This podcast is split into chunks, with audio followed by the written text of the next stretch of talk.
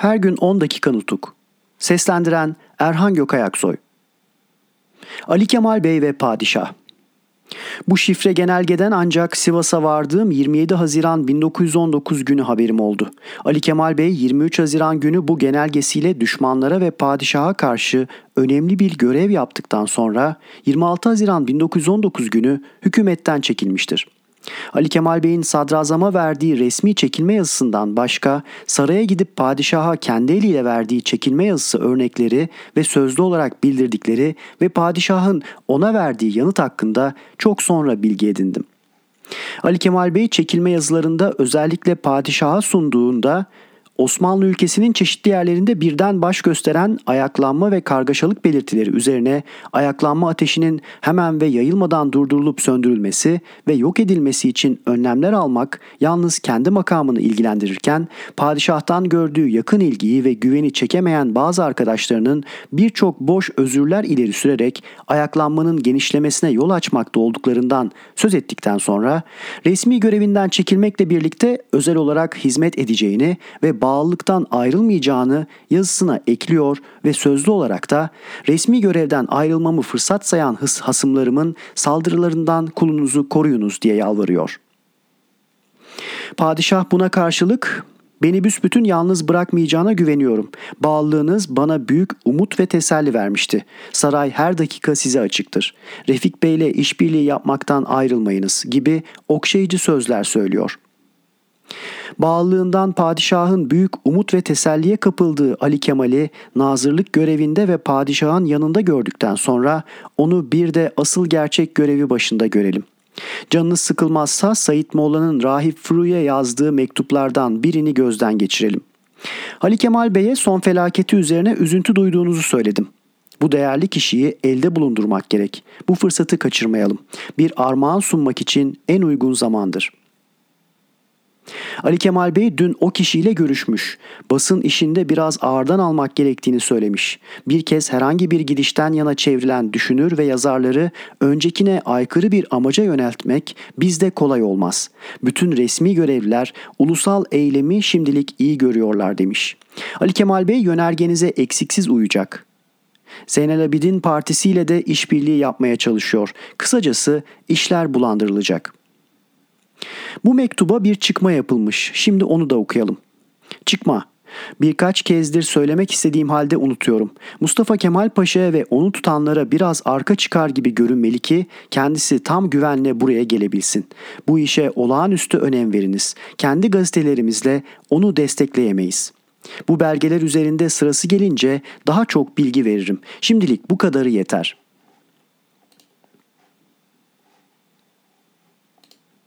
Ali Galip Bey Sivas'ta. Ali Kemal Bey'in Amasya'dayken daha duymadığımı söylediğim genelgesi görevlilerin ve halkın kafalarını gerçekten karıştırmış. Her yerde eksik olmayan yıkıcı ruhlu kimseler hemen bana karşı propagandaya ve çalışmaya girişmişler. Bu yoldaki baltalayıcı gösterilerin ve işlerin en önemlisi Sivas'ta düzenlenmeye başlamış. İzin verirseniz bunu kısaca anlatayım. Dahiliye Nazırı Ali Kemal Bey'in genelge ile verdiği buyruğun tarihi olan 23 Haziran günü Sivas'ta Ali Galip Bey adında bir kişi 10 kadar adamıyla hazır bulunuyormuş. Bu kişi İstanbul'dan Elazığ valisi olarak gönderilmiş olan Kurmay Albay Ali Galip'tir. Sözde ilin ikinci derecede görevlileri olmak üzere bir takım adamları da İstanbul'dan seçmiş yanında götürüyor. Ali Galip yolu üzerinde bulunan Sivas'ta durmuş özel görevi bulunduğu belli olan Ali Galip orada hemen kendinden yana etkin kişiler bulmuş. Görevini iyi uygulamak için düzen kurmaya ve önlemler almaya başlamış.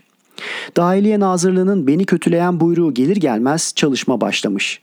Sivas sokaklarında benim hain, baş kaldırmış, zararlı bir adam olduğum yolunda duvarlara yaftalar yapıştırılmış.''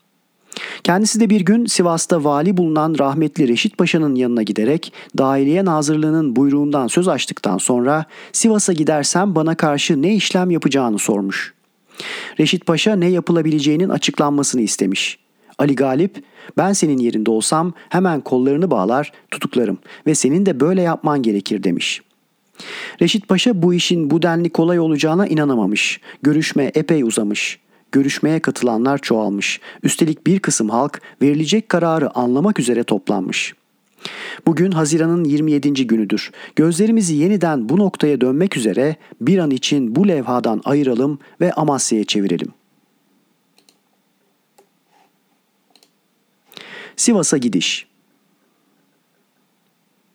Ayın 25. günü Sivas'ta beni kötüleyici bir takım uygunsuz olaylar geçmeye başladığını öğrendim. 25-26 Haziran gecesi yaverim Cevat Abbas Bey'i çağırdım ve yarın sabah karanlıkta Amasya'dan güneye gideceğiz dedim. Bu gidişimiz gizli tutularak hazırlanılması için emir verdim. Bir yandan da 5. Tümen Komutanı ve kurmaylarımla gizli olarak şu önlemi kararlaştırdık. 5. Tümen Komutanı tümeninden seçme subay ve erlerle olabildiğince güçlü bir atlı piyade birliğini hemen o geceden başlayarak çabucak kuracaktı. Ben 26 Haziran sabahı karanlıkta arkadaşlarımla birlikte otomobille Tokat'a gitmek üzere yola çıkacaktım. Birlik kurulur kurulmaz Tokat üzerinden Sivas'a doğru gönderilecek ve benimle bağlantı arayacaktı. Gidişimiz hiçbir yere telle bildirilmeyecek ve elden geldiğince Amasya'da da açığa vurulmayacaktı. 26'da Amasya'dan yola çıktım. Tokat'a varır varmaz telgrafhaneyi gözaltına aldırarak benim varışımın Sivas'a ve hiçbir yere bildirilmemesini sağladım. 26-27 gecesini orada geçirdim. 27'de Sivas'a doğru yola çıktım. Otomobille Tokat'tan Sivas'a aşağı yukarı 6 saattir. Sivas valisine Tokat'tan Sivas'a gelmek üzere yola çıktığımı bildiren açık bir tel yazdım. İmzada ordu müfettişliği sanını kullanmıştım. Telde özel bir düşünceyle yola çıkış saatimi bildirmiştim. Ama bu telin ayrılışımdan 6 saat sonra çekilmesini ve o zamana değin hiçbir yoldan Sivas'a bilgi verilmemesini sağlayacak önlemleri aldırdım.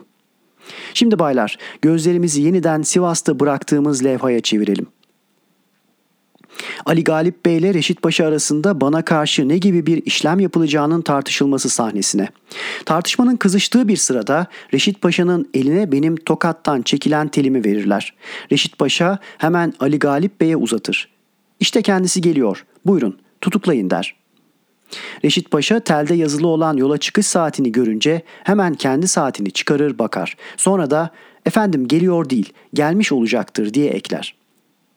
Bunun üzerine Ali Galip ben tutuklarım dedimse benim ilim içinde olursa tutuklarım demek istedim.